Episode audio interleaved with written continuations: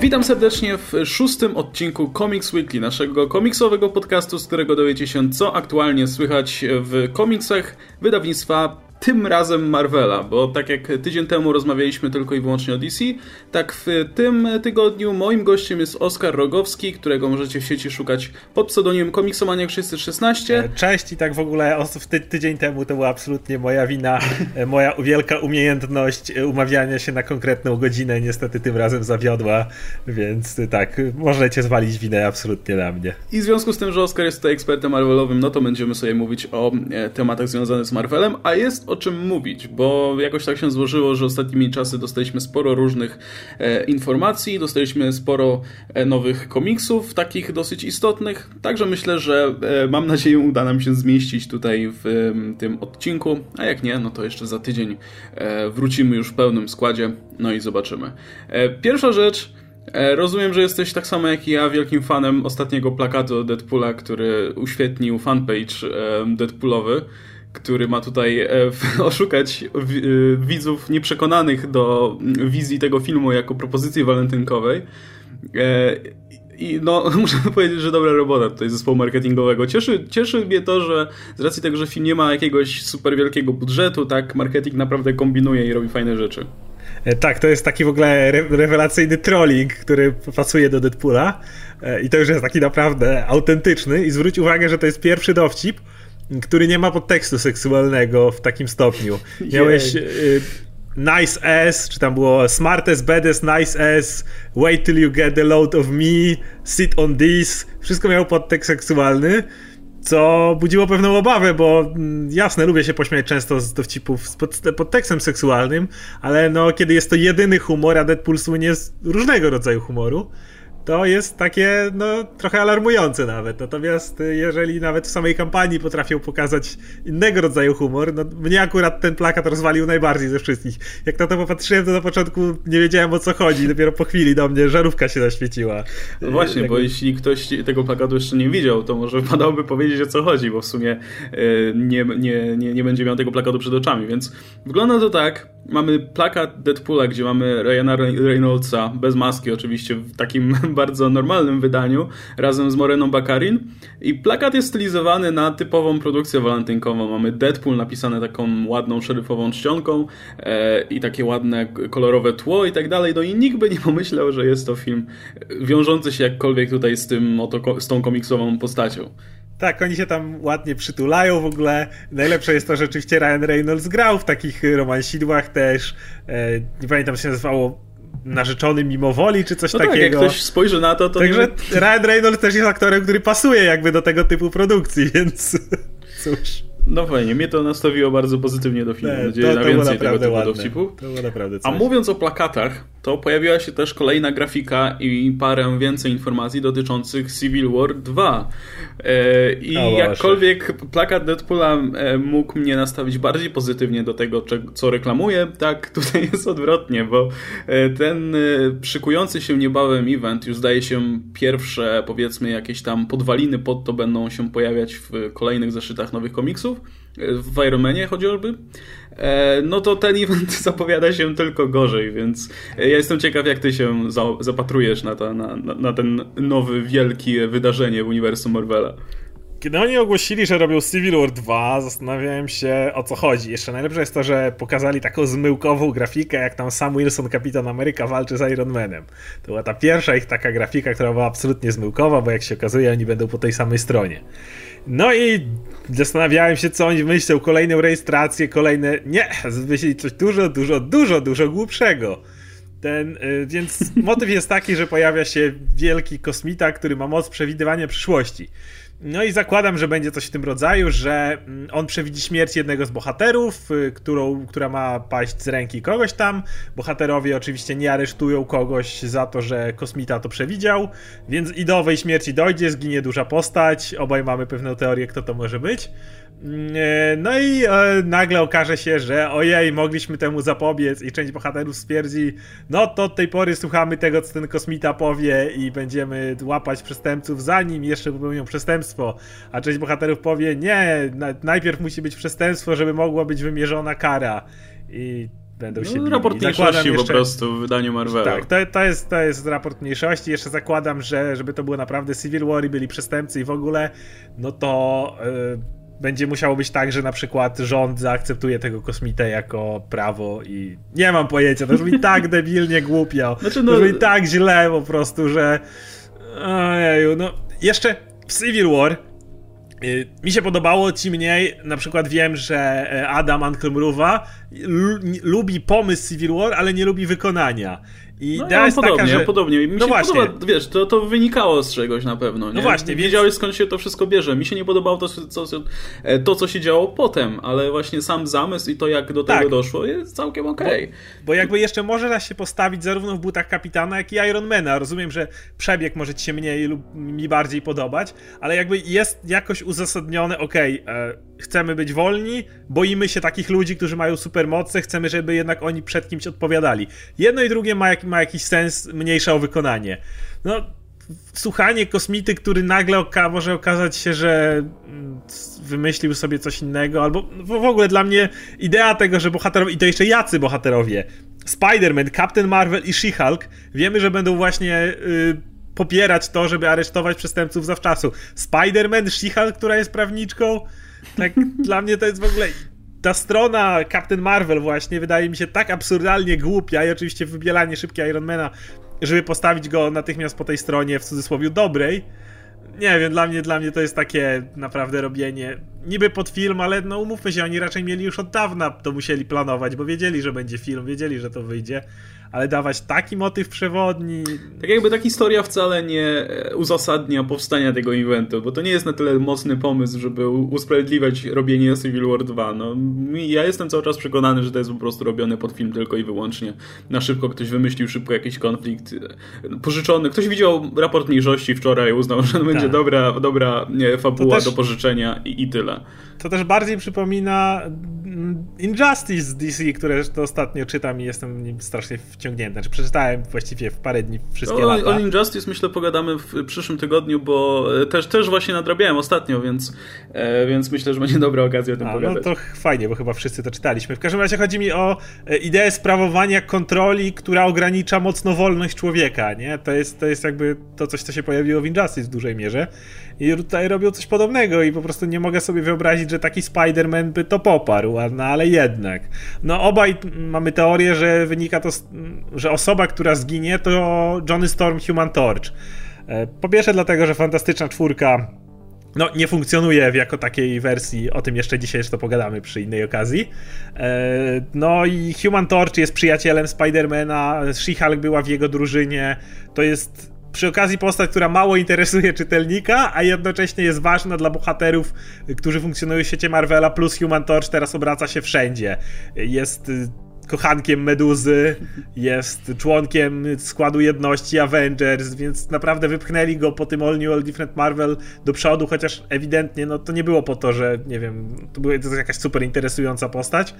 Więc no, pasuje mi fakt, że po prostu jego uśmiercą, bo to będzie wystarczające duże huknięcie. No plus jeszcze w tym evencie widzimy pojawi się Starlord. No co miałby robić Starlord na Ziemi? No więc idea jedyna taka, no to Thing przyleciał z ekipą, bo Thing jest teraz Guardians of the Galaxy. Przyleciałby z ekipą swoją, no bo jego kumpla Johniego zabili, więc jedynie tu Johnny mi pasuje w ogóle do tego wszystkiego.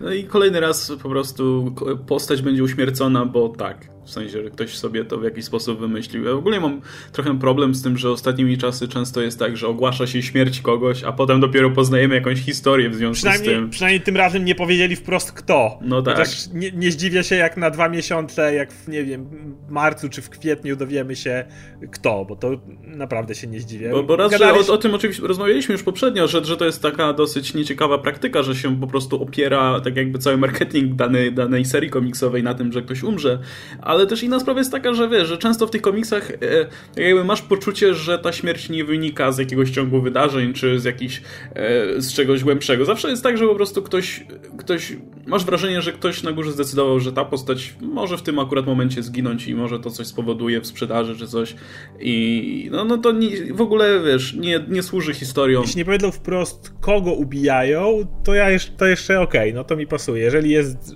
tajemnicza śmierć ma być to nie, nie, nie mam z tym problemu. Natomiast jeżeli tak jak mówię, w marcu czy kwietniu będzie Johnny Storm zginie, no to a dzisiaj zdaje się, albo dzisiaj, albo wczoraj e, pojawiła się w sieci jeszcze inna zapowiedź, tym razem odwrotnie. Powiedziano, że ktoś e, nie będzie martwy już. Nie, nie wiem, czy widziałeś tę grafikę, taką wielką czarną planszę z białym napisem, taką wiesz, elegancką, szeryfową fontem e, Dead No More. Nie, nie I też, też nie, nie widziałeś. E, no to właśnie jest zapowiedź w tym stylu, tyle że dotycząca tego, że ktoś zmartwychwstanie. No i na Comic Book Resources na przykład już jest głosowanie, kto zmartwychwstanie, czy będzie to, nie wiem, Wolverine, albo czy hmm. będzie to ktoś tam jeszcze inny. A na e, kogo ty stawiasz? Nie mam pojęcia, szczerze mówiąc. Wolverine nie ma szans. To byłoby no myślę, kompletnie... że Wolverine nie, bo tak jakby jest trochę za ciasno na Wolverina. Tak, tak. Ale z drugiej strony, jaka postać byłaby tak istotna, żeby ogłaszano, wiesz, w ten sposób jej, jej powrót? Y, wiesz, specjalną mm. grafiką, jakkolwiek oszczędna by nie była. Nie nie mam pojęcia. Nie mam pojęcia, naprawdę Ale wiesz, pojęcia. reklamowanie serii śmiercią w jakiejś postaci to jedna sprawa, a tutaj mamy reklamowanie zmartwychwstania. No, no. No i dobra, w tym miejscu planowaliśmy pomówić o Secret Wars, ale w związku z tym, że jest to seria, która zakończyła się dokładnie dzisiaj, w tym tygodniu, bo nagrywamy ten odcinek w środę, e, to postanowiliśmy, że tym razem damy Wam możliwość uniknięcia spoilerów i po prostu ta część pojawi się na samym końcu tego odcinka. Także jeśli planujecie jeszcze doczytać Secret Wars, no to my damy znać, kiedy ten odcinek powinniście wyłączyć. Tymczasem e, zajmiemy się dwoma e, innymi tematami, jakie sobie przygotowaliśmy tutaj, mianowicie X-Men i Inhumans, czyli tą, tymi dwoma grupami, o których wspominaliśmy parę odcinków wcześniej w kontekście tego, czy przypadkiem jedna grupa nie wypycha drugiej z tutaj krajobrazu Marvelowego, ale tym razem chcemy pomówić o konkretach, to jest o tym, jaki poziom trzymają te serie, jak łatwo w te światy wejść e, i czy czy warto, nie wiem, zaczynać na przykład czytanie od jakichś wcześniejszych zeszytów, czy może teraz od All New All Different Marvel, bo obie grupy mają sporo tytułów poświęconych właśnie tym ekipom. No i o tym sobie właśnie planujemy porozmawiać. Także zacznijmy może od mutantów, bo oni tak jakby dalej mają tą dużą, lojalną grupę e, czytelników, do której się zresztą zaliczam i jestem ciekaw, czy ta lojalna grupa czytelników jest tak samo może nie jakoś bardzo, ale lekko jednak zawiedziona tym, jak te tytuły z mutantami wyglądają. Bo e, jest jeden tytuł, który mi się bardzo podoba, natomiast cała reszta póki co prezentuje taki dosyć mierny poziom. I tym tytułem jest Extraordinary X-Men. Oskar, jak Ci się podoba ten tytuł? Extraordinary X-Men jest jedynym naprawdę dobrym tytułem X-Men obecnie na rynku. Jeśli jeszcze chodzi o w miarę, to ja bym tu jeszcze dodał, chociaż to jest bezpośrednio X-Men, ale nie miałbym go w top 10, ale jest niezły, uważam, że nowy Wolverine, solowe przygody Laury. To nie jest komiks, który mówię, dałbym w top 10, ale cały czas mocno się wybija na tle pozostałych zeszytów X-Men, które są niestety nie najlepsze. Samo Extraordinary X-Men miało trzy, dobrze mówię, chyba trzy zeszyty takiej mocnej ekspozycji, w których się tak naprawdę niewiele działo, było niewiele dialogów, mnie one osobiście nudziły.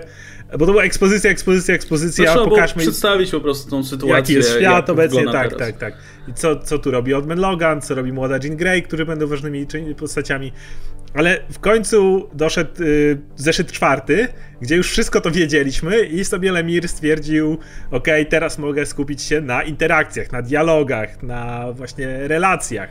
I to wreszcie zaskoczyło. I kolejnym odcinku, który wyszedł właśnie dzisiaj, czyli piątym, widać, że to dalej idzie. Fabuła może nie jest najwyższych lotów, może nie dzieją się jakieś wyjątkowo interesujące rzeczy, ale cały czas wolę, kiedy jest to fajnie pisane, mogę się uśmiechnąć, mogę zobaczyć, jak pewne postacie ze sobą właśnie działają, jak one się rozwijają, na przykład Storm, która jest dalej na tą numer jeden liderkę tworzona od lat 90. na dobrą sprawę, jeżeli nie wcześniej. I to jakby idzie, widać ten rozwój jest dalej. Nawet można powiedzieć, że jest takie e, cicha sugestia, chociaż nie wiemy dokładnie, co ona jeszcze znaczy, że to jest takie namaszczenie przez Charlesa Xaviera, nie? Ale chociaż tam jeszcze nie do końca wiemy, jak, jak, jak, to, jak to rozumieć, no, tak? tak? E, no ale nie wiem, interakcja między Icemanem a właśnie postacią Oldman Logan jest naprawdę też świetnie się to czyta. Także zawsze wezmę dobre relacje, dobre dialogi, ponad y, ciekawą fabułę i, i to dostaje w Extraordinary X-Men. No i warto powiedzieć, że jest to też właśnie w związku z tym, że no, trzeba było poświęcić ileś tam czasu na wyjaśnienie, co się dzieje i co jest w ogóle grane. Jest to dobra seria do zaczęcia tak naprawdę kontaktu z mutantami, bo mówię, no wszystko jest wyłożone kawę na ławę. Na tym etapie piątego zeszytu już wiesz wszystko, co powinieneś wiedzieć. W jakiej sytuacji są mutanci, co się dzieje, jak świat na nich reaguje, kim są główni bohaterowie i tak dalej. Także o ile mi się te pierwsze zeszyty ciężko czytało z racji tego, że no niewiele się w nich działo, tak no myślę, że to była dobra robota, takie dobre podwaliny pod to, co się będzie działo później, bo zakładam, że, że ta seria no, nie straci nagle impetu i będzie pisana dalej porządnie.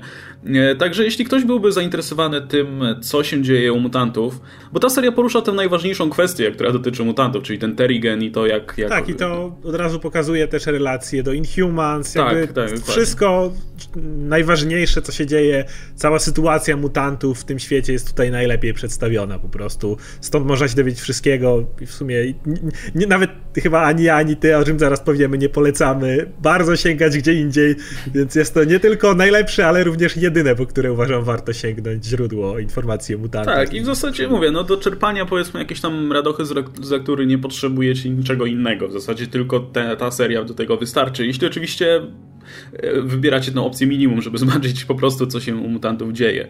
Natomiast te dwie serie pozostałe, które wyszły, które są no, sporo słabsze, e, one z kolei już jednak łączą się bardziej z, tymi, z tym, co wychodziło przed Secret Wars. No bo jest to All New X-Men, czyli ta seria skupiająca się na tych młodych mutantach przeniesionych w czasie, która jest jakąś tam całkiem bezpośrednią kontynuacją e, All New X-Men, które teraz wychodzi w Polsce, tego z Marvel Now. No i jest jeszcze Uncanny X-Men, które... Ojej. które, na razie wszedł jeden zeszyt, zaraz sobie szerzej o nim pomówimy, które z kolei jest jakąś tam kontynuacją Magneto, bo tak jakby znowu na pierwszym planie w tej serii jest, jest Magneto, z jakiegoś powodu nazwano to Uncanny X-Men. Trochę Magneto, nie? trochę X-Force. No takie X-Force w zasadzie wyszło, ale... Znaczy nie, nie, chodzi mi o wątki, są ciągnięte z X-Force, z tego Remendera jeszcze, także trochę tej bardziej tak, więc ja nie miałem nic przeciwko, gdyby nazwano to X-Force, ale najwyraźniej X-Force się już nie sprzedaje, więc nazwano to Uncanny X-Men. No więc e, pomówmy sobie, zacznijmy może od All New X-Men, jak ta seria wygląda i o co chodzi. Więc e, to ja może tak tylko zacznę, że jeśli nie lubicie Cyclopsa, tego młodego, który ma duże problemy z zaakceptowaniem swojego miejsca w tym świecie, do którego nie należy, a poza tym wszyscy go kojarzą z osobą tego starszego Cyclopsa, który był, e, no, który aktualnie już nie żyje, bo zaatakował Inhuman, zdaje się, no to jeśli nie macie dość jego jęczenia i tak dalej, to jest to seria dla was. A jeśli macie, macie problem z, z słuchaniem teen dramy o to, jaki, jakie młody Cyclops ma ciężkie życie, to unikajcie tego komiksu jak możecie. W ogóle końcówka All New X-Men jeszcze z Marvel Now no, nie stała też na najwyższym poziomie. Tam Bendis zaczął bendisować, czyli się gubić w zbyt dużej ilości postaci i wątków i zamykać no to, różne to, to wątki taki na siłę. przykład serii, która po prostu gdzieś w okolicach, chyba zaraz po e, Battle of the Atom po prostu straciła zupełnie tak, tak jakikolwiek tak, tak, impet i no, to była taka telenowela po prostu, która się rozgrywała Ro, Rozciągała się maks maksymalnie, natomiast... No teraz przyszedł nowy, nowy scenarzysta, Dennis Hopeless i, i myślałem, że będzie miał nowe pomysły, ale no nie bardzo. Właściwie ja nie do końca rozumiem ideę tej serii. Nie ma w niej jakiegoś większego, nie wiem, walnięcia. Nie ma znowu tak fajnych interakcji między postaciami, żeby dla, dlatego to czytać, jakichś dobrych dialogów. A sama fabuła wydaje się tak nieznaczna, tak nieistotna. Wszystko jest tak bezsensowne, plus szczególnie drugi zeszyt. Trzeci był już trochę lepszy, ale drugi to był cały po prostu wywalanie żalów młodego Cyclopsa na zewnątrz. To no Cały użalanie się nad sobą. No, nie wiem, ten nie wiem, o, do czego, czy to do czegoś zmierza, czy to ma nam pokazać jakiś ważny aspekt tego świata, bo niby jest to wsadzony Evan, czyli młody klon Apokalipsa, a wiemy, że zbliżają się Apokalips Wars, ale on na razie miał może dwie kwestie w trzech zeszytach. No bo cała seria w zasadzie skupia się na tym, że jest młody Cyclops, który ma ból dupy, no jest ta ekipa młodych mutantów, gdzie są członkowie All New X-Men, minus Jean Grey, e, plus Evan, czyli Genesis, czyli młody klon Apokalipsa i e, Idi, tak? E, który... Która też miała chyba trzy, trzy Cyclops ma, ma ból dupy i jest atakowany przez taką grupę followersów Cyclopsa, takich jego wyznawców, no i ci jego, jego przyjaciele próbują go odbić i go uratować. I w zasadzie na tym to polegało. Oprócz tego mamy tylko monologi Cyclopsa, który się nie da czytać. Nawet w ostatnim zeszycie, który nie był taki zły, po prostu zgrzytałem zębami, jak Cyclops wygłaszał swoje przemówienie o tym, że już się nie będzie chował i teraz będzie odważny i dzielny. No strasznie to wygląda na razie. No, nie, nie da się tego czytać, także gorąco nie polecam, bo się po prostu zrazicie. Jeśli... Ale to nie jest tak złe, ale to nie jest jeszcze tak złe. Ale jeszcze, jeszcze jedna rzecz. Jeśli jednak stwierdzicie, że chcecie się z tym zapoznać, a nie czytaliście tego poprzedniego ranu Bendisa, to ja bym wolał, proponował jednak zacząć od tego poprzedniego mm, ranu. I tak pewnie gdzieś tak w połowie dacie sobie spokój, więc, więc pewnie nawet i nie dotrzecie, ale mimo wszystko polecam, tym bardziej, że wychodzi po polsku, więc... No i dobra, trzecia seria. To w takim razie zacznij ty, a ja w tym czasie będę cicho cierpiał. Dobra, trzecia seria. W ogóle warto jeszcze tu powiedzieć, ona nazywa się Uncanny X-Men. I to w ogóle nie jest seria, która ma szczęście. Bo warto powiedzieć, że jeszcze w Marvel Now końcówka Uncanny X-Men była tak o niczym, tak zła. A najgorsze było to, że był odcinek 600, na który czekaliśmy dodatkowe pół roku, który był jeszcze bardziej o niczym niż seria do tej pory. No to było takie wielkie domykanie wątków po prostu, taka antologia krótkich wątków, które trzeba ale domknąć. To była ta bo... seria, ta, ser, to seria była seria, która jak to u Bendisa bywa nieźle zaczęła, ale kończyła tak źle. Po prostu i, i, najlepsze jest to, że wątki z tamtej serii się tak nie zgadzały. Najlepsze było to, że ten um, komiks 600 wyszedł tego samego dnia, co pierwszy numer Extraordinary X-Men. Czytamy jeden numer, o Cyclops chce tutaj wielką pokojową przemowę, o Cyclops zaatakował Inhuman, stał się terrorystą i zginął po drodze. Hmm. No cóż, to, to taka niezgodność. No ale już mniejsza o tamtę serię, która, która była fatalna. No bo ta jest jeszcze gorsza. No co prawda oceniam na podstawie jednego zeszytu może trochę nieuczciwie, ale to był naprawdę marny zeszyt. Do, do tego, jaka jest obrawa graficzna, to może przejdziemy później, bo to jest w ogóle oddzielna, oddzielna sprawa.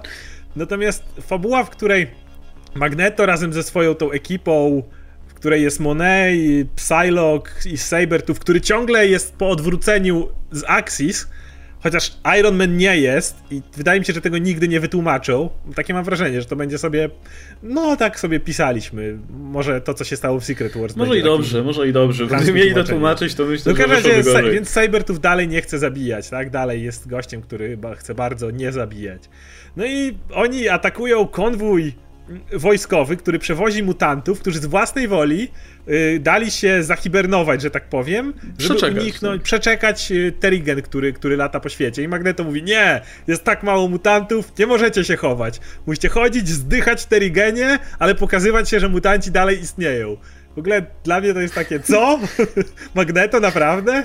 A... Ale to nie jest coś, co by zrobił Magneto. No, no i najlepsze jest to, że to jest pisane... to nie jest coś, co To jest najlepsze to, że to jest pisane przez tą samą osobę, która pisała bardzo dobrą serię Magneto swoją drogą. Tak. E, przez Kalena Bana, który no... Jak zobaczyłem nazwisko Kalena Bana, to byłem pewien, że to będzie super seria. Taka, takie postacie, tak...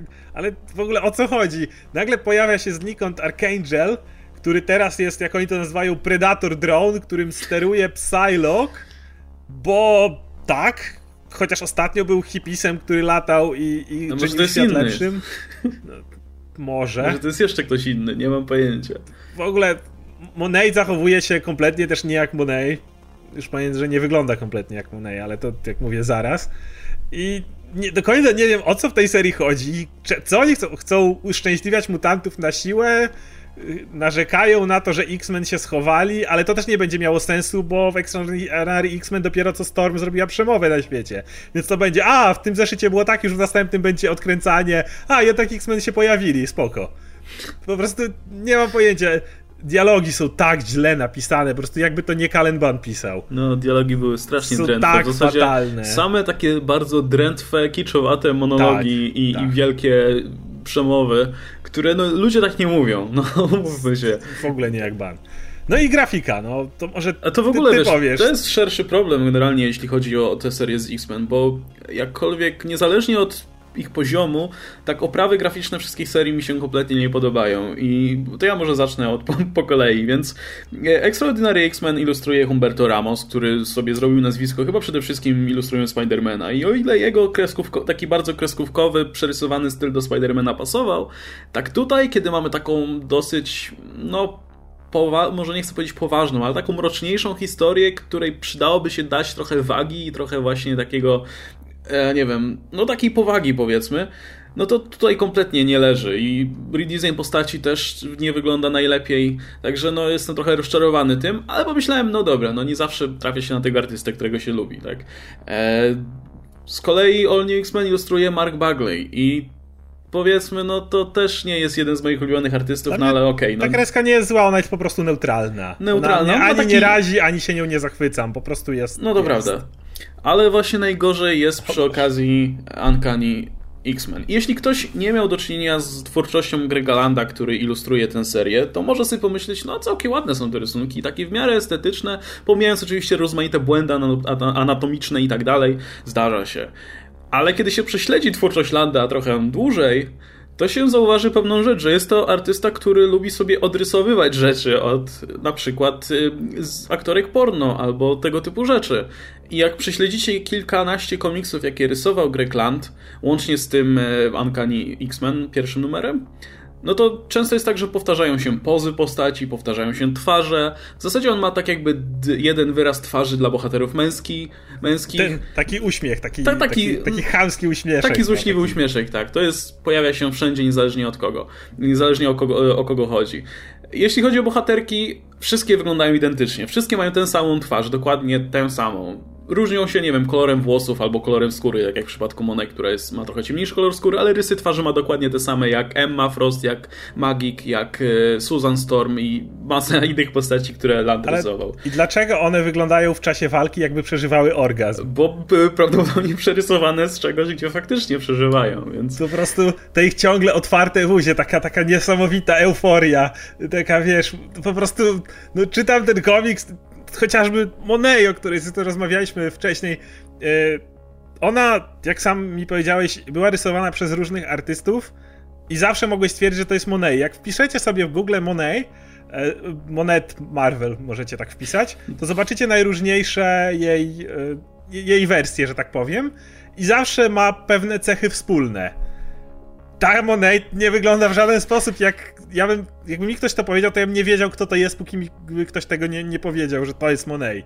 Ale to bo... jest normalka Ulanda, wiesz, to, to, albo nie jesteś w stanie stwierdzić na przykład, ile lat ma bohaterka, bo on rysował, wiesz, młode bohaterki w wieku, gdzie wszystkie wyglądały na jakieś, nie wiem, wiesz, 30-40 lat, no bo to jest tak jakby ten jeden, jedna postać, którą Lanter przerysowuje tak, na, różne, na różne bohaterki czy bohaterów. Ale też, że to są identyczne pozy, naprawdę w Marvelu nie mają z tym problemów, może po prostu, wiesz, e, to, to jest taki gość, jak Secret Wars wiemy, że się opóźniało, dlatego że prawdopodobnie w związku z grafiką e, i, i rysunki, to może to jest gość, który jest w stanie po prostu walnąć komiks w dwa dni. Możliwe, bo po prostu wszystko ja odrysowuje. To może jakaś tak naprawdę budżetowa wersja Marvela. Ej, mamy komiks wydać, nie mamy rysownika, bierzcie Landa, on to zrobi na jutro. Nie wiem, bo cały, Marvelowi naprawdę dziwię się, że nie przeszkadzałoby to, że gościu odrysowuje non-stop te same pozy, te same postacie, no i jeszcze nadaje wszystkim swoim y, kobiecym postaciom cechy aktorek porno i jeszcze ich wyrazy twarzy są takie, jakby one naprawdę non-stop zbyt bar za bardzo mm, podniecał je fakt, że właśnie walczą, tak. No. Nie, mnie to irytuje, mnie to po prostu irytuje. No, także mam nadzieję, że prędzej czy później się artysta zmieni. W zasadzie mam, mam nadzieję, że w każdej z tych serii się zmieni artysta, bo e, no, powiedzmy, że w wielu kwestiach no to nie jest powiedzmy powód, dla którego mógłbym nie czytać jakiegoś zeszytu, bo mi się, nie wiem, kreska nie podoba, no ale to trochę psuje jednak, kiedy, wiesz, styl artysty nie pasuje zupełnie do komiksu albo wręcz psuje lekturę, to jest niedobrze. A jeśli w przypadku Uncanny X-Men zarówno wiesz, grafika, jak i scenariusz leżą, no to mamy do czynienia z naprawdę czymś słabym. Oby powiedzmy kolejne zeszyty były lepsze, no bo mówmy się, no Kalen Band pisał dobre rzeczy, więc może... Rewelacyjne rzeczy. Zupełnie na boku, ale jego obecny Drax, znaczy on to go robi niby z CM Punkiem, ale zakładam, kto pisze dialogi, jest świetny. Po prostu jest tak dobry jego nowy Drax na przykład. I pisze to równolegle do pisania tak gównianego X-Men. No. Natomiast jeśli chodzi o na przykład All New Wolverine, prezentuje się całkiem fajnie. Dawid Lopez jest tym rysownikiem, który wcześniej odpowiadał za Captain Marvel w All New Marvel mhm. Now. I to jest taka, on ma taką fajną kreskę i on bardzo dobrze ekspresję twarzy tak, łapie, to jest nie? specyficzna kreska, można od razu poznać go po jego stylu. I no to jest taka kreska, która naprawdę do, do wielu historii pasuje i w tym komiksie o właśnie Laurze, czyli X23, czyli obecnej Wolverine, ona się sprawdza.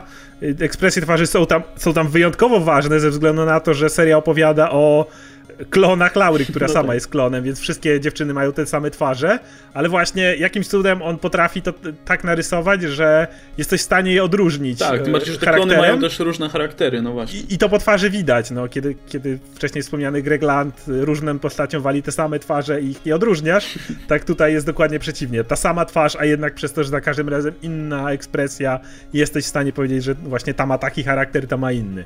No i to, to jest niezłe, naprawdę.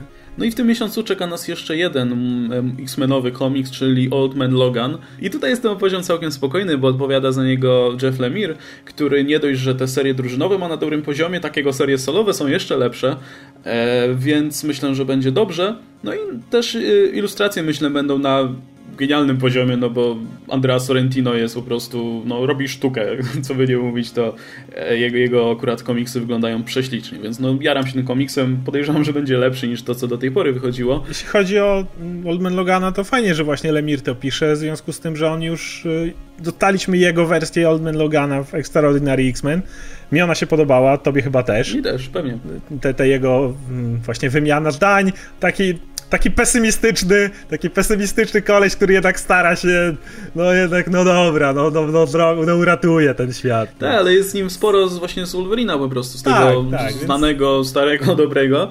Z takim właśnie twistem, właśnie z tym elementami, powiedzmy, powiedzmy Logana, którego doświadczyło życie bardzo ciężko. Tak, ale i to, że to dalej pisze Lemir, no jest obiecujące, bo już jakby wiemy, czego możemy się poniekąd spodziewać, widząc, co zrobił tutaj.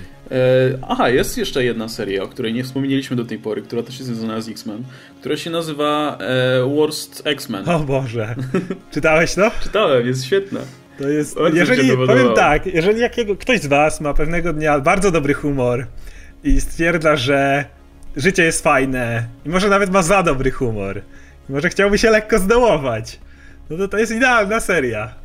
Więc to tak, jest... seria nazywa się e, e, X-Men Worst X-Man Ever, więc opowiada ona o mutancie, młodym mutancie, któremu rodzice mówią, że jest mutantem. On do tej pory sobie nie zdawał z tego sprawy. No i on trafia oczywiście do szkoły imienia Jean Grey. Jeszcze... To w ogóle dzieje się w innym czasie. Tak, albo, albo powiedzmy w alternatywnym uniwersum nigdy do tego już nie wrócą, albo po prostu przed Secret Wars. E, choć ciężko powiedzmy zidentyfikować, jaki to jest okres dokładnie. W każdym razie. Ja, jeszcze dużo wcześniej wydaje się, że Kitty Pride tam no ciągle właśnie, jest uczennicą, więc coś alternatywnego, ale to nie ma znaczenia. To nie ma znaczenia. W każdym razie mamy młodego mutanta, który trafia do szkoły dla mutantów, no i Beast przeprowadza testy, żeby mu powiedzieć, jaka jest jego mutacja w ogóle, bo on się nie zdążył jeszcze zorientować. No i dowiaduje się, że jego jedyną mutacją jest to, że może wybuchnąć, ale tak, on jest dosłownie ludzką, wybuchnąć. ludzką fajerwerką. dosłownie wybuchnąć, po prostu e, no, rozprysnąć się na, na ściany, tak? To I jest tyle. jego jedyna mutacja, więc E, on był strasznie podjarany tym, że trafia do szkoły mutantów i że będzie miał super moce i w ogóle. No a kiedy się o tym dowiaduje, to jest nieciekawie. Natomiast zaraz potem szkoły atakują Sentinele, no i będzie okazja się wykazać. No i też powiedzmy... E, tak, tak, już, myślisz, już myślisz, że jest mu smutno. Już myślisz, że on ma wrac że wraca do domu. No, chciał być w tej szkole dla mutantów, chciał być jak X-Men, chciał być super bohaterem, walczyć u ich boku. No ale nie wyszło. No dobra, mama, tata, wracamy do domu. No i tak. w tym momencie seria kopie cię jeszcze w jaja i wali cię w twarz jeszcze raz. Więc... Tak, także nie będę jest... mówił, co się dzieje. W każdym razie warto tę serię przeczytać, jeśli lubicie X-Men. Y, I chcecie się trochę takim, zdołować, bo wam Takim, powiedziałbym luźniejszym, ale fakt, seria jest trochę dołująca, ale jest jednocześnie pisana z takim mocnym dystansem. Tak, tak. Więc, e, tak, więc ja gorąco polecam. Bardzo fajnie się to mi czytało. To zdaje się, będzie miało, nie wiem, pięć, pięć zeszytów chyba, coś no, takiego. Raczej nie więcej. E, I kolejny, kolejny, drugi zeszyt już za miesiąc, także czekam bardzo. I to tyle chyba, jeśli chodzi o X-Menowe tytuły. Są jeszcze, zdaje się, tytuły, gdzie się pojawiają mutanci, ale myślę, że nie ma co już się nimi zajmować. W każdym razie, no, wygląda to tak sobie póki co. No, ta jedna seria trzyma poziom, e, natomiast pozostałe, no, czekam, Mówię, czekam. Ja uważam, że jeszcze All New X-Men, e, All New Wolverine, przepraszam, no to tak. czyta się ok. No, nie, nie mówię, nie, nie, będę tego jakoś wyjątkowo komuś polecał, nie będę mówił, jest dużo lepszych serii, jeżeli ktoś nie ma czasu, czy, czy budżet, czy coś. Natomiast to, to, to, to nie jest seria, na którą na pewno będę narzekał, ma fajną uprawę graficzną. Jeżeli ktoś lubi X23, to, a to absolutnie polecam. Szczególnie, że ona jest taka trochę inna, stara się. Bardzo podoba mi się jej taka retrospekcja z Wolverinem, która niejako definiuje tę serię, kiedy Wolverine mówi jej: Jesteś najlepsza w tym, co robisz, ale to nie znaczy, że musisz to robić. I to fajnie ona się tego trzyma, więc mówię, lubię tą serię i absolutnie nią nie mogę narzekać.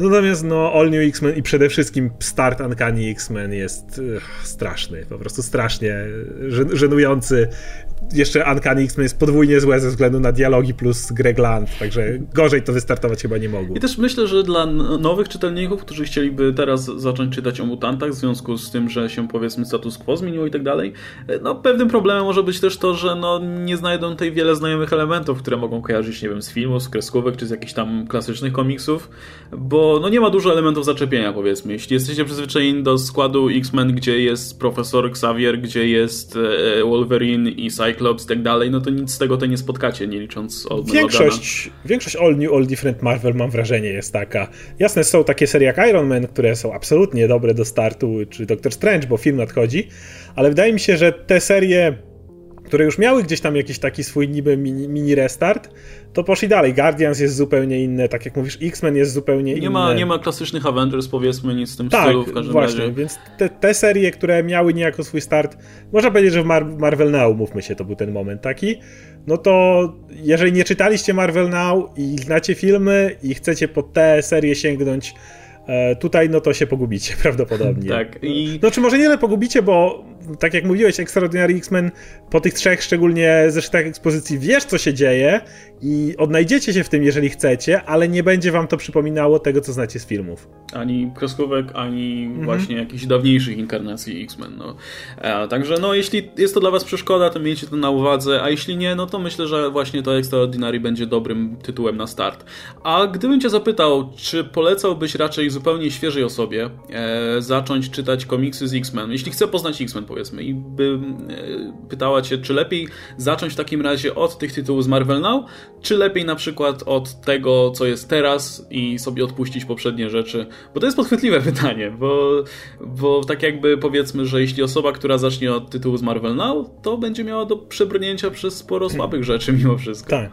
To jest właśnie taki problem, no jednak polecał na Marvel Now ze względu na to, że jest łatwiej na pewno.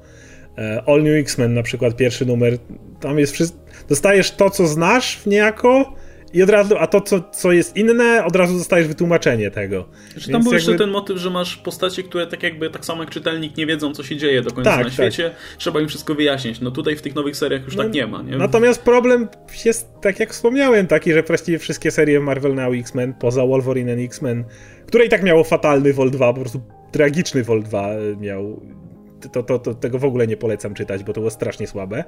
E, no to reszta serii cierpiała ze względu na to, jakim jest właśnie pisarzem Michael Brian Bendis, który pisał całych X-Men na dobrą sprawę.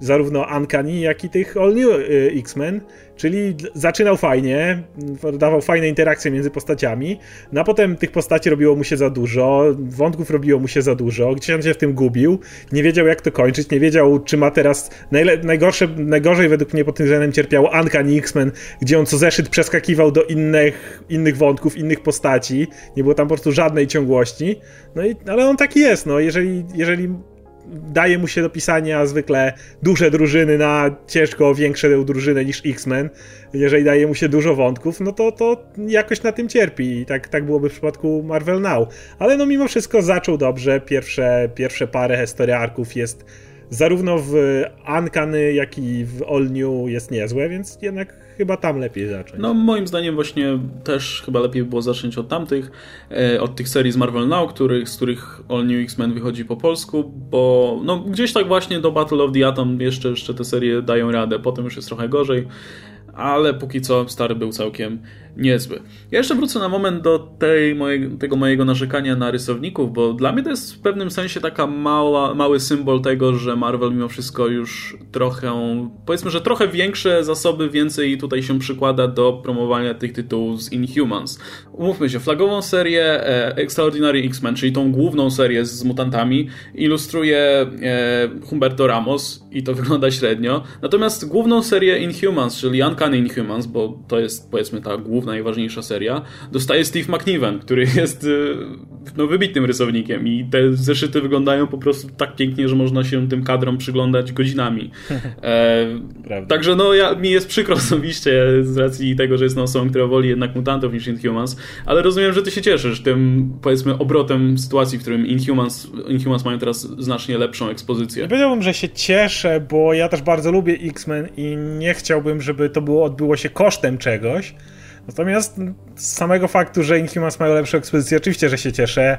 Y, ich wcześniejsze historie, oni byli zawsze gdzieś tam na boku mocno, natomiast uważam, że mieli bardzo mocne historie, chociażby w czasie mojej ulubionej sagi, czyli na przykład War of Kings, Realm of Kings, tam Inhumans mieli świetny moment i cieszy to, że oni są wypychani do przodu. Szczególnie jeszcze jak dobra była y, seria Charlesa Soul lub Soleil, jak kto woli, z Marvel Now, która nazywa się po prostu Inhuman. Ona była rewelacyjna i tu od razu zaznaczę, że jeżeli ktokolwiek chce po to sięgać, to koniecznie w tamtym miejscu, bo cała masa następstw wynika z tego, co tam się stało, jakby. To, jest, to się zaczyna zaraz po Infinity, jest bezpośrednim. Jakby powiedzieć, to, co się tam dzieje, to są bezpośrednie konsekwencje tego, co stało się. Czy jest to tam wyjaśnione, co się stało jakoś w miarę sensownie?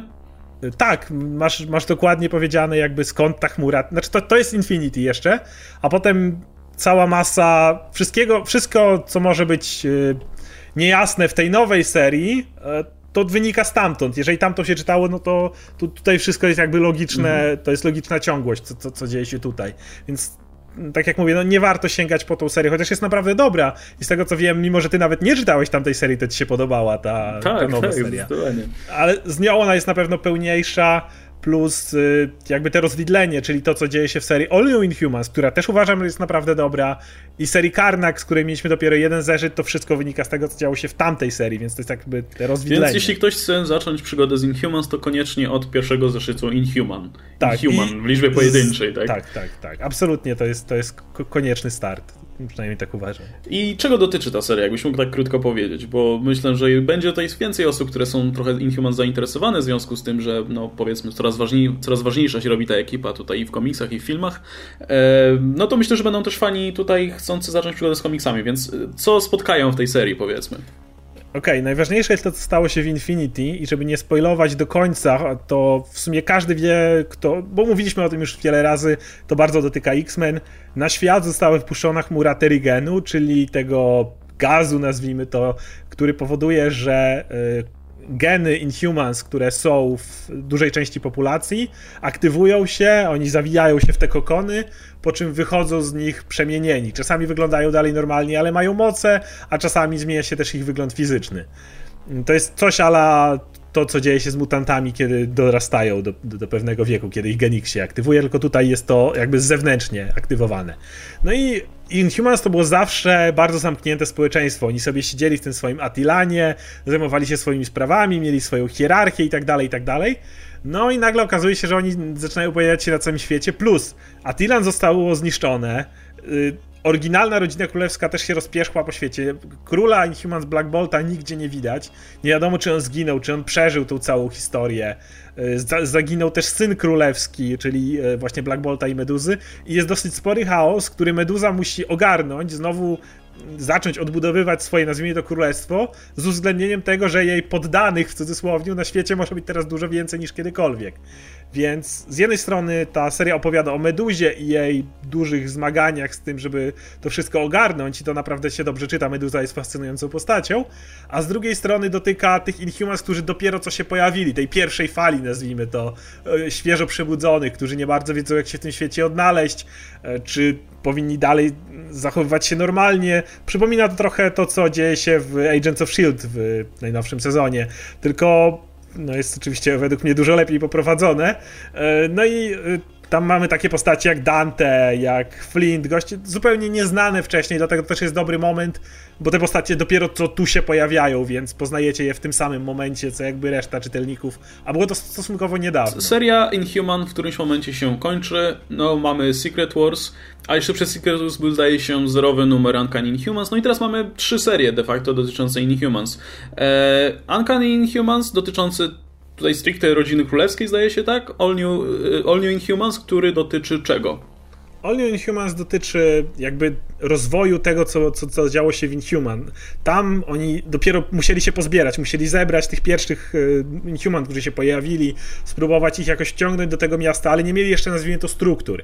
E, All Inhumans dzieje się już później, już mają dokładnie ustalone kto co, jak robi, mają konkretne drużyny, nazwijmy to uderzeniowe, które latają po świecie i starają się załatwiać różne rzeczy. Przede wszystkim szukać nowych Inhumans, oferować im miejsce w nowym Atilanie, e, ale też łagodzić wszelkie konflikty polityczne, żeby nagle Inhumans nie stali się nową rasą po mutantach, w którą będą cały czas leciały cegły i kamienie, chociaż to i tak się dzieje. Y, dbać o to, żeby ewentualne zniszczenia, no bo wiecie, ta chmura może nie wpływa negatywnie na ludzi, no ale macie wielki obłóg dymu, który wam na przykład przelatuje przez autostradę. Nagle zerowa widoczność, więc różne kataklizmy też są z tym związane. Więc to jest taka drużyna, nazwijmy to polityczna, która stara się pokazywać dobry wizerunek Inhumans, naprawiając wszelkie szkody, która ta chmura wyrządza i jednocześnie upewniać się, że na przykład nowo obudzeni Inhuman nie zaatakują społeczeństwa swoimi nowymi mocami, albo nie zrobią sobie krzywdy. I na ich czele stoi właśnie Krystal, która jest siostrą zresztą Meduzy. To jest naprawdę postać, którą uwielbiam. Ona była jeszcze świetnie pisana w War of Kings, kiedy tutaj taka informacja była żoną Ronana, tego Ronana, którego możecie znać z filmu Guardians of the Galaxy i powiem wam, że w tym małżeństwie to ona nosiła spodnie.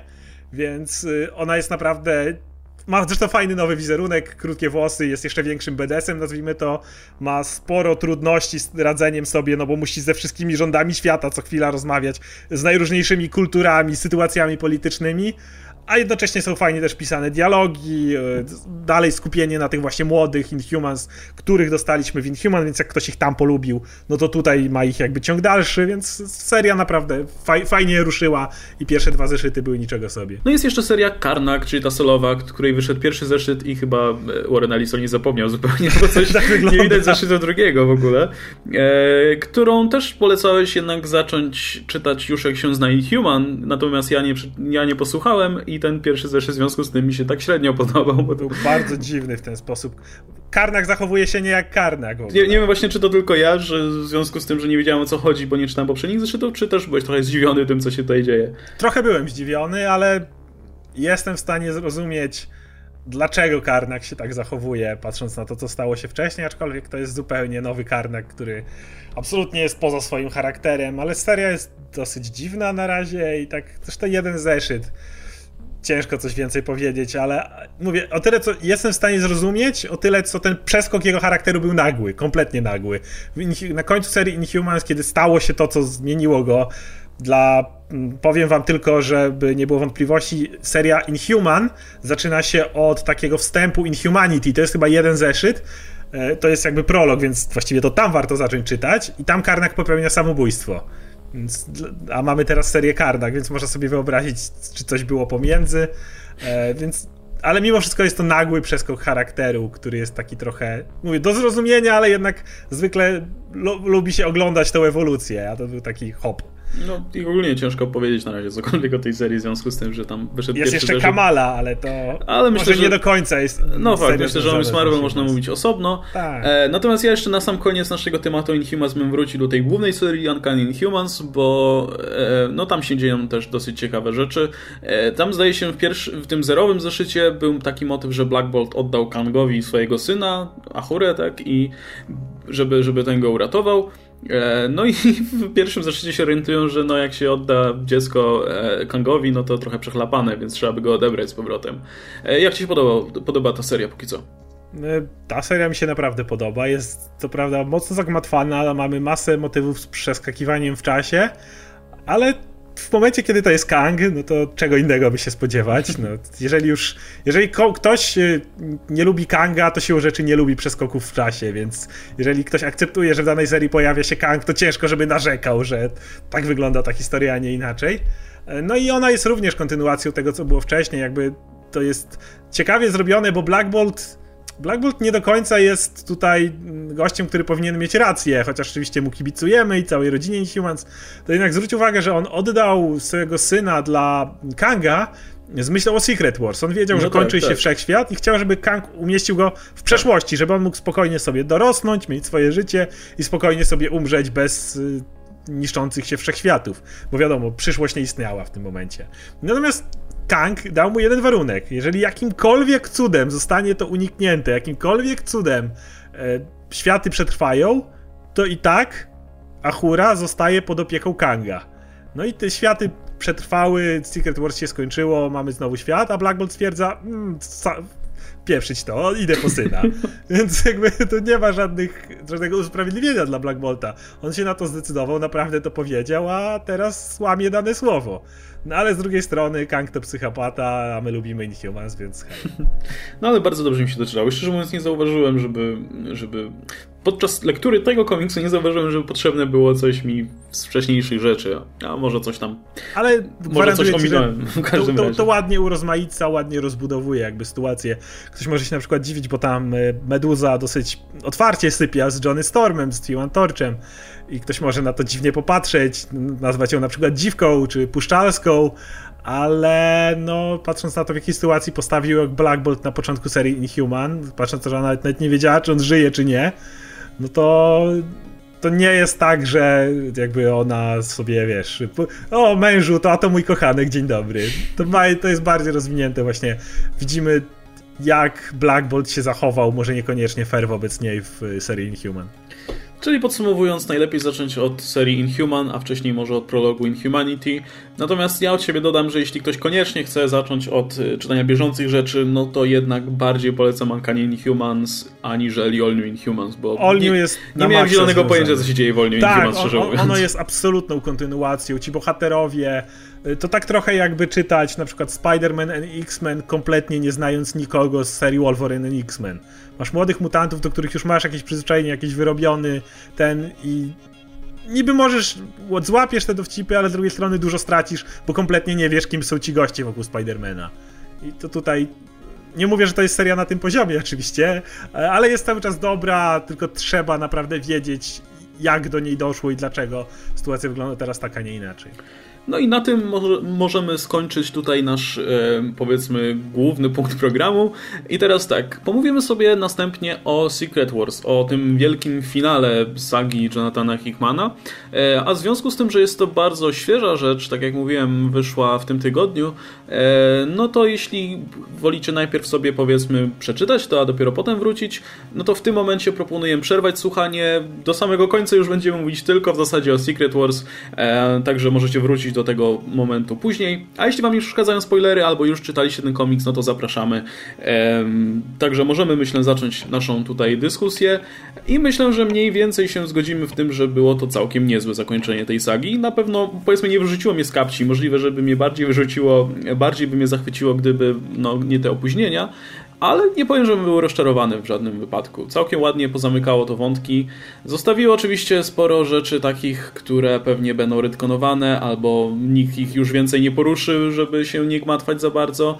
Ale ogólnie myślę, że to co najważniejsze zostało przekazane. Na dodatek dostaliśmy parę mo fajnych momentów dla różnych postaci. Więc ja jestem zadowolony. A jak to mi się podobało? Też jestem zadowolony. Oczywiście na pewno dużo stracił fakt, że były te obsuwy i bylibyśmy prawdopodobnie dużo lepiej do tego nastawieni, gdybyśmy dostali to przed All New All Different Marvel, bo no jednak to, że wiedzieliśmy mniej więcej jak będzie wyglądała sytuacja trochę psuje to, to wszystko. Nie to, że jestem jakiś tam niezadowolony. Jak, jak mówisz, było sporo fajnych y, domknięcia, domkniętych wątków dla różnych postaci. Natomiast tutaj na pewno to straciliśmy również. E, ogólnie, jeżeli ktoś z Was nie, nie zaczął jeszcze Secret Wars ani All New All Different Marvel, e, mimo tego, że z tego co, jeżeli słuchacie tego co mówimy, mniej więcej wiecie co tam się dzieje, to proponuję w tej chwili właśnie usiąść i przeczytać Secret Wars od numeru pierwszego do dziewiątego. Myślę, że wrażenia będą dużo lepsze niż to, kiedy czekaliśmy, no czasem po parę miesięcy na kolejny zeszyt, szczególnie kiedy była w środku wielka bitwa i nagle musimy czekać, nie wiem, dwa miesiące na dalszy ciąg wielkiej bitwy. Ale jakby to wszystko odsuwając na bok, było to niezłe zakończenie, daje to nam drugi po Infinity dobry event. Nie do końca mogę to wrzucić pod Marvel Now, ale z tej okolicy, e, ponieważ eventy tam były Age of Ultron, Axis czy Original Sin, może nie najlepsze. Natomiast tutaj absolutnie e, mogę to spokojnie ustawić obok Infinity. Event był dobry, mógł być lepszy, gdyby nie pewne terminy. E, no i tak jak mówisz, wątki są nieźle podomykane, jakby dostajemy ładne pożegnanie fantastycznej czwórki, można tak powiedzieć. Wiadomo, że ona nie będzie dalej pisana, wiadomo, że Richard, Susan i dzieciaki nie pojawiły się w All New All Different Marvel, teraz wiemy dlaczego, ale to jest takie trochę i żyli długo i szczęśliwie bardziej niż, niż jakieś tam ich pozbycie się z taką małą furtką, że jeżeli a nuż, a nuż coś, to w razie czego przywrócić ich to nie jest większy problem, ale, ale, ale równie dobrze możemy ich tak zostawić i dać im szcz szczęśliwe życie, że tak powiem. Y, fajnie wytłumaczono nam to jaki jest teraz Doktor Doom, którego znamy z Ironmana i czytając Ironmana wyżyło, co to jest Doom, o co chodzi, dlaczego jest taki. Teraz bo, wiemy, no właśnie, bo Doom, taki... Doom pojawił się nagle w Invincible Iron Man bez maski, bez swojej, swojej zielonej peleryny, no i przede wszystkim z normalną twarzą. Więc... Jak się zachowywał przede wszystkim, ewidentnie był, był dalej dupkiem, był dalej taki może egocentryczny, dalej, ale, ale jednocześnie chciał dobrze. To prawda. I teraz mamy wyjaśnienie. No dobra, także pomówmy w takim razie o konkretach. Tak jak się spodziewaliśmy, e, wszystko się sprowadziło do konfrontacji Reed Doom. E, I to zostało rozegrane w ten sposób, że obaj panowie zostali doprowadzeni przez, e, przez to, że się pojawili tutaj w otoczeniu e, Moleculemana, który tak naprawdę zasilał cały ten Battleworld i, i był tak jakby baterią, z której moce brał Doom, utrzymując to, to wszystko, ten cały bajzel w, w życiu. Z racji tego, że oni znaleźli się w jego otoczeniu, no to zostali pozbawieni tych mocy, bo obaj nie przynieśli poczęstunku, zdaje się, jedzenia dla, tak. dla Moleculemana. No on stwierdził, że w takim razie. Głodny. Bo nie cały czas głodny, więc w takim razie on stwierdził, że w takim razie niech staną naprzeciw siebie zupełnie na równi, z racji tego, że obaj nic mu nie, nie zaoferowali do jedzenia. No i dochodzi do walki, w trakcie której, i to jest bardzo, bardzo ważny moment, moim zdaniem, jeden z moich ulubionych w zasadzie w całym mm. Secret to Wars. To naprawdę fajne. Gdy Doom cały, Doom cały czas zaprzecza temu, że, że że ktoś byłby na jego miejscu lepszy, aż w którymś momencie e, każe Reedowi Richardsowi przyznać, że, że on myśli, że, że Reed myśli, że on by zrobił to lepiej. No i Reed mówi, że tak, faktycznie, że on zrobiłby to wszystko, rozegrałby to wszystko lepiej. No i Doom chcąc, nie chcąc, przyznaje się, że no faktycznie, że tak. Że... To jest w ogóle dobre, bo e, jakby przez długi czas zarzucaliśmy Dumo, e, ja przynajmniej zarzucałem tej drużynie, która chce walczyć z Dumem, że ona jest tak, tak krytykuje Duma, który de facto zrobił coś niby niemożliwego. Złapał masę światów, masę istnień, jakoś się ocalił przed totalnym unicestwieniem multiversum. Gdyby nie Doom, to na dobrą sprawę nie istniałoby już żadne życie. I i oni go krytykowali za to, co było dla mnie dziwne, ale tutaj Reed mówi fajną rzecz, że Reed mówi, ja absolutnie to doceniam, ja wiem, że ty to zrobiłeś i, i ja to rozumiem i jakby jestem w stanie to docenić. Problem polega na tym, że ty usiadłeś na laurach, stwierdziłeś, ok, zrobiłem tyle i to wystarczy. A mogłeś, mogłeś pójść dalej, mogłeś zrobić coś więcej, mogłeś zrobić to lepiej, mogłeś zrobić to dokładniej, ale ci się nie chciało. Byłeś tak mm, tak bałeś się, że ci to wymknie się wszystko spod kontroli, bałeś się, że, że musiałeś to trzymać, wiesz, w, swoi, w swoim uścisku y, na, na tym poziomie, bo bałeś się, że jeżeli pójdziesz dalej, to ci się to rozpieprzy i jakby nie byłeś pewny siebie, a ja bym poszedł dalej. I w tym momencie Doom właśnie mówi, że no kurwa, masz rację. tak, i w tym momencie Molecule Man stwierdza, okej, okay, no to jeśli się obaj zgadzacie, no, no i w tym momencie. Boga, no. Tak, i w tym momencie Reed dostaje moce, moce Boga. Doom robi. Y, chwila, co? E, no i cały Battle World się rozpada, natomiast Reed ma okazję przy pomocy Franklina Richardsa, który jak wiadomo ma tutaj moce tworzenia wszechświatów. Kształtowania. Tak. Kształtowania wszechświatów. Tylko on robi te, Reed, y, Franklin słynie z tego, że on robi te pocket universes, takie tak. mikro, małe wszechświaty. Natomiast kiedy zasila go jego ojciec, który ma moce Boga, mogą robić prawdziwe już wszechświaty w tym momencie. I to właśnie robią. A nie kieszonkowe. I to właśnie robią, tworząc nowe multiversum. No i mniej więcej w ten sposób powstało, powstał nowy Wszechświat Marvela, po prostu został odtworzony przez Franklina i, i Rida Richardsów po tym, jak, jak Doom został e, obalony. No i strasznie podobał mi się ten moment, kiedy pokazano Duma już w tym odtworzonym wszechświecie, który, wszechświecie, który stoi sobie tam na wieży tego swojego zamku w Latverii prawdopodobnie, e, jeszcze w swoim e, stroju takim klasycznym. E, I widzimy, że Doom został odtworzony, że tak jakby Reed wcale nie mścił się bo, ani z tym właśnie rodzaju. to pokazuje, że Reed był lepszym człowiekiem niż Doom, bo nie chował urazy do Duma. Tak, podczas gdy tylko... Doom, nami, Doom, kiedy tworzył swój Battle World, nie umieścił tam w ogóle Reeda Richardsa, wymazał wręcz go kompletnie szukał, z egzystencji. Wręcz szukał go i chciał się upewnić, czy go tam gdzieś nie ma. Mówił, że przeszukiwałem, że, że jeszcze, żeby cię znaleźć. Natomiast Reed absolutnie nie, wyraźnie powiedział, że nie trzyma ża żadnej urazy. To tak jak wspomniałem, że on docenia to, co zrobił Doom i, i nie chowa absolutnie urazy i jak wiemy, nie tylko go przywrócił, e, jakby odtworzył go w tym świecie i raczej rozumiemy to, że Doom pamięta to, że był Bogiem. Natomiast co więcej, leczy mu twarz. Jakby to, to właśnie z, z, dlatego widzimy w Iron Manie Duma, który nie nosi maski, który wygląda zupełnie normalnie, bo Reed Richards stwierdził, że nie, jak Doom chce, to niech sobie żyje. No, nie, jakby let it go, kompletnie nie trzymam żadnych urazy, odpuść sobie. I co jest ciekawe, kiedy Doom zdejmuje tę maskę, nie widzimy jakiegoś takiego wściekłego wyrazu twarzy, jaki Doom już kombinuje, zemszczę się na tobie Reed, I'll get you next time. Tylko po prostu wybucha takim autentycznym śmiechem. Nie śmiechem Wilana jakiegoś, tylko autentycznie szczęśliwym śmiechem po prostu. I to jest strasznie fajne zakończenie zarówno dla, dla Rida, jak i dla Duma właśnie, tej ich odwiecznej rywalizacji. Znaczy moim zdaniem właśnie, jeśli miałbym oceniać ten event pod kątem tego, co mi się podobało najbardziej, to właśnie bym tutaj podał e, to, jak był pisany Doom, w jaki sposób e, te wszystkie jego rzeczy pozytywne, jak i te takie małostkowe i te jego wady i przywary charakteru zostały fajnie odtworzone w tym e, i w sytuacji, w której był u szczytu swojej władzy i teraz, kiedy tę, władzę stracił. Bardzo dobra robota zresztą. No i też ciekawy właśnie motyw z tym, że no, pożegnano fantastyczną czwórkę wreszcie porządnie. Pamiętam, że kiedy anulowano im ten, tę serię, to masa fanów narzekała, że no, nie dostają porządnego pożegnania, że to, to po prostu tak jest urwane na szybko. No okazało się, że to w jakiś sposób było planowane wcześniej i, i dostajemy tak naprawdę duży, ładne pożegnanie teraz. Tym bardziej, że właśnie członkowie fantastycznej czwórki byli chyba najważniejszymi postaci, postaciami w zasadzie w całym evencie, więc no... Absolutnie, to był, to był właśnie event dotyczący przede wszystkim Duma oczywiście, ale też Rida, jakby Reed, Reed był tutaj absolutnie kluczową postacią w całym tym evencie. E, zarówno Reed, jak i Maker, który akurat został tu potraktowany bardzo, bardzo na szybko. No tak. To... Maker oczywiście próbował zrobić swój cios w plecy dla Rida, no ale powiedzmy, że, że się przeliczył chłopak w miejscu, w którym, w którym się znajdował. No ale akurat jakimś cudem Makerowi udało się trafić też do tego świata. Tego nie wiemy jeszcze jak, czy Reed go faktycznie też tam umieścił.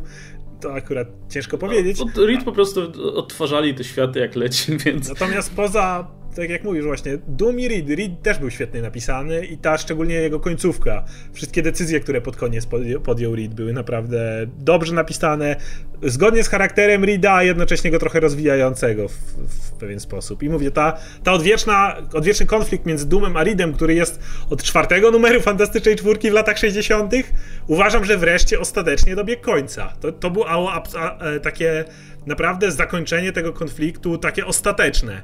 Oczywiście w komiksach nic nie jest ostateczne na 100%, ale na 99,9 wydaje mi się, że to jest koniec konfliktu pomiędzy no, Reedem a Ciężko sobie wyobrazić teraz, powiedzmy, konflikt między tymi dwiema postaciami. Bo Myślę, że oni nawet, żaden z nich nie ma już żadnych uraz do drugiego. To prawda.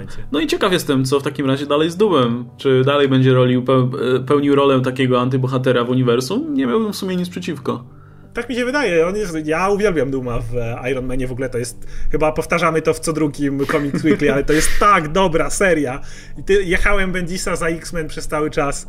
Odwala kapitalną robotę przy nowym Iron Manie.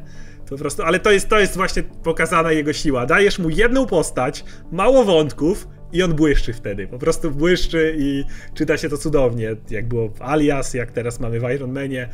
I to, to, jest jego siła i to widać. I uwielbiam Duma, który tam jest. Ten Dum jest bardzo arogancki. To, to, to, nie jest Dum wyprany z charakteru, to jest dalej Wiktor von Dum. Tylko po prostu z trochę przekierunkowanym już... Y, jakby on ma trochę inną perspektywę. Już widział tyle w życiu, że stwierdził, że mo, może warto spróbować czegoś innego. Byłem, byłem Bogiem, byłem władcą zła, władcą, tyranem państwa, ty, tyloma rzeczami w życiu. Spróbujmy innego podejścia i, i czyta się go świetnie. I wróćmy jeszcze na moment do, inne, do innego wątku z Secret Wars, a także przy okazji związanej z, z tym, że to Bendis wykreował tę postać. No dowiedzieliśmy się wreszcie e, skąd wzięła się rodzina e, Milesa Moralesa w nowym uniwersum. Też dosyć zabawny wątek, bo tak, tak jak wspominaliśmy wspominaliśmy wcześniej, Molecule Man e, każdego, każdą osobę, która przychodziła do tego miejsca, w którym on rezydował, pytał, czy ma coś do jedzenia. Jedyną osobą, która mu dała coś do jedzenia, a konkretnie starego jakiegoś do, niedojedzonego hamburgera z kieszeni. Który miał, który miał dwa tygodnie, ten hamburger miał dwa tygodnie lub 8 lat i dwa tygodnie, jeżeli liczyć fakt hibernacji. No i Michael Mann był bardzo wdzięczny, że, że on był jedyną osobą, która mu dała coś do jedzenia, no i postanowił, że mu się odwdzięczy właśnie w ten sposób. Więc kiedy, kiedy Reed odtwarzał świat, cały czas pamiętajmy, że żeby Reed miał boskie moce, musi je przesyłać do niego Molecule Man, ponieważ kiedy Beyonderzy zostali zniszczeni tą wielką bombą, Molecule Man powiedział, że może te moce przesłać do jednej osoby. I to mógł być Doctor Strange i Doom i wypadło na Duma. Ale to nie było tak, że on je przesłał i zostawił, tylko cały czas był tym... Mm, on jest źródłem energii, ale on sam nie może z nich korzystać, tych mocy. Musi je w kogoś wysyłać. Więc wysyłał je do Rida. No i przy okazji, e, kiedy je wysyłał, upewnił się, że kiedy Reed odtwarzał Ziemię, e, pojawiła się tam również e, rodzina Milesa Moralesa. To jest w ogóle ciekawie, bo jak widzicie, świat Ultimate nie został odtworzony. Widać, Franklin zapomniał Franklin nie lubił. Franklin nie lubił Ultimate, olać Ultimate. Więc świat Ultimate się nie pojawił, a jednocześnie mm, jakby to, to można tak tłumaczyć, że nawet jeżeli świat Ultimate by się nie pojawił, to yy, Molecule Man upewnił się, że rodzina Milesa Moralesa pojawi się w obecnym świecie, będzie, będzie wyglądała tak, że żyła w nim cały czas, a co więcej, nawet matka Milesa, która nawet nie, nie żyła od dawna już w świecie Ultimate, tu też będzie żyła. I to wszystko dlatego, że dostał starego hamburgera. Więc nie wyrzucajcie jedzenia, noście je ze sobą, nie wiadomo kiedy się może przydać. E, no i to chyba tyle, jeśli chodzi o Secret Wars. Czy będziesz e, tworzył jakiś film albo recenzję, albo coś w tym stylu na temat samego eventu w całości u siebie? Zastanawiam się mocno nad tym, bo z jednej strony by wypadało, ale to jest event, który. To jest w ogóle chyba odwrot zasada u Marvela, że jakość eventu jest często odwrotnie do jakości tainów. No tak, Zwróć uwagę, Infinity akurat y, ciężko mówić, że te tainy tam ciężko powiedzieć, co było tainem tak naprawdę, no, bo wszystko było gdzieś tam obok. Natomiast no, Original Sin było fatalne, a miało niezłe tainy. Axis było fatalne, miało niezłe tainy. E, Age of Ultron to praktycznie nie miało tainów. No, a tutaj miałeś naprawdę dobry event i fatalne tainy po prostu. Praktycznie, naprawdę z czystym sumieniem nie mogę żadnego tainu tak polecić, a jeszcze jest to ciekawe, że niektóre tainy zaczynają mieć przekładanie się na normalny świat. Na przykład bardzo słaby A-Force jest obecnie kontynuowany i to jest bezpośrednio ten A-Force, który był w Secret Wars. Tak, ale na przykład, nie wiem, czy, jeśli czytałeś pierwszy zeszyt Red Wolfa, mm, tak jakby nowej postaci dla wielu czytelników, no to też zaczyna się od tego, że Red, Red Wolf sobie żyje w tym swoim Battleworldzie, a potem nagle jest przeniesiony do współczesnego świata, tak sobie. Więc... Natomiast jeszcze chcę powiedzieć, że przy Secret Wars jest taki problem, że niby wszystko wiemy teraz, tak? Mamy... Był Marvel Now, zaczęły się inkursje, Yy, oni kombinowali, kombinowali, kombinowali. Doszło do zderzenia światów, wszyscy zginęli. Powstało Secret Wars. E, skończyło się Secret Wars i Reed Richards teoretycznie, z tego co na razie wynikało w All New World Different Marvel, odtworzył ten świat idealnie w momencie, w którym było zderzenie, bo nawet wspominali o tym w kilku seriach, że pamiętali dzień, w którym miał nastąpić koniec świata, już wszyscy się na niego przygotowywali i nagle masowa amnezja, bo to jest ten moment, którym jakby Reed podmienił i świat się nie skończył. I wszyscy żyją sobie dalej. No i okej, okay, to byłem w stanie zaakceptować. Tylko Secret Wars daje nam jeszcze jedną rzecz. W pewnym momencie T'Challa, Black Panther, łapie kamień czasu, wyrywa, bo on w ogóle miał tam y, Infinity Gauntlet, ale już nie wnikamy w to dlaczego. I przenosi się w czasie do dokładnie momentu, który mamy opisanego w New Avengers 1, tym, który nawet po polsku wyszedł, kiedy ci młodzi y, z Wakandy przechodzą pewne próby, to, to mniej więcej coś takiego. I tam zaczęło się to, kiedy on natknął się na Black Swan, zobaczył pierwszą inkursję, tylko teraz historia idzie inaczej. Więc ja się boję, że to jest coś ala New 52 w DC, czyli no generalnie wszystko jest kanoniczne, chyba że nie jest. No tak pewnie to będzie wyglądało. Chociaż mi się wydaje, że też nie będą zbyt często już wracać do tych losów. Mamy no, przestrzeń myślę... 8 miesięcy od tego, bo od New Avengers do Inkursji było około 8 miesięcy. To był też ten Time Runs Out. I to jest niby znamy, ale coś mogło po drodze pójść inaczej, a potem jest kolejne 8 miesięcy, które jakby nigdy nie było opisane i nigdy nie będzie, bo to jest te 8 miesięcy po Secret Wars, które oni sobie zostawili na. E, w tym czasie doszły zmiany i teraz świat wygląda tak, a nie inaczej. To będzie te 8 miesięcy, które będzie nieruszane. Więc tak naprawdę mamy 16 miesięcy, przez które nie do końca wiemy, co właściwie się stało. No więc wszystko się mogło zdarzyć więc, i pewnie w ten tak. sposób będzie pisane. no ale szczerze mówiąc, nie, nie jakoś mi aż tak nie, nie przeszkadza. Może, może miałbym większy ból tyłka o to, gdyby nie to, że te serie są całkiem dobre same tak, w sobie. Tak, znaczy póki co nie, aczkolwiek wiesz, to, to może się odbić, zgrzytnąć w dowolnym momencie. No pewnie. Może jestem ciekaw właśnie na przykład. Póki czy... co jest ok, ale gdzieś to się może sypnąć, jeżeli. No, Możliwe. Może, a może na przykład którejś serii to wyjaśnią jakoś, nie wiem, może, może ta z Black Pantherem solowa, kto wie. No. Tak jak rozmawialiście w ostatnim tygodniu, kiedy DC miało problem z Tytanami, bo nie wiedziało, czy ich zostawić w kontinuum, czy nie, i tak się zaczęli machać. Tego, tego typu konsekwencje są, kiedy, kiedy się robi takie, takie właśnie dziwne ruchy. Czyli pamiętajcie, że to nie jest. Świat obecny nie jest zredkonowany poza wsadzeniem tam Milesa. To jest dokładnie to, co mamy od lat 60. Marvela. Z tym, że po prostu ostatnie 16 miesięcy są niejasne. Tak wygląda obecny świat Marvela. No, choć teoretycznie mówi się o tym, że to już jest nowe uniwersum, Ziemia Prime i w ogóle, więc, więc chociaż nie jest. No, znaczy, już o tym mówiliśmy, że pewnie miała być, Marvel ale jednak Now, nie jest. I, wszystko tak. przed Marvel Now jest na 100% kanoniczne po prostu. Marvel Now powie, jest w większości, chyba że w którymś momencie zdecydują, że nie jest. No nic, no dobra. No, ja, ja też planuję chyba napisać coś o tym Secret Wars, ale myślę, że to za jakiś czas, jak trochę zbiorę myśli, jeszcze poczytam trochę o tak, tak. analizach tak tego, co się działo, bo może coś przeoczyłem po prostu. Może parę Każdy... komiksów z All New, All Different nam jeszcze rzuci trochę na to no właśnie. inny obraz. Dokładnie, Trzeba poczekać. Więc... Więc myślę, że tyle. Jeśli czytaliście Secret Wars, dajcie znać, co myślicie na temat tego eventu, bo powiedzmy był bardzo wymagający dla czytelnika, bo powiedzmy wymagał znajomości tej całej długiej sagi. Całej sagi Hickmana. Całej. Co jest bardzo satysfakcjonujące, jeśli czytałeś to wszystko, ale jeśli nie, no to faktycznie sporo rzeczy mogło umknąć. Nie, nie też... polecam w ogóle ruszać Secret Wars bez znajomości, szczególnie New Avengers całego, bo to jest zbyt do, duże domknięcie tych wątków, całe time runs out, to wszystko, bez tego ten event będzie dziwnie, nie wiem, wydaje mi się, że, że, że go się nie złapie. Przy mnie najbardziej interesuje zdanie osób, które przeczytały to wszystko, ale nie czytały Secret Wars, albo nie czytały tego, a zamierzają.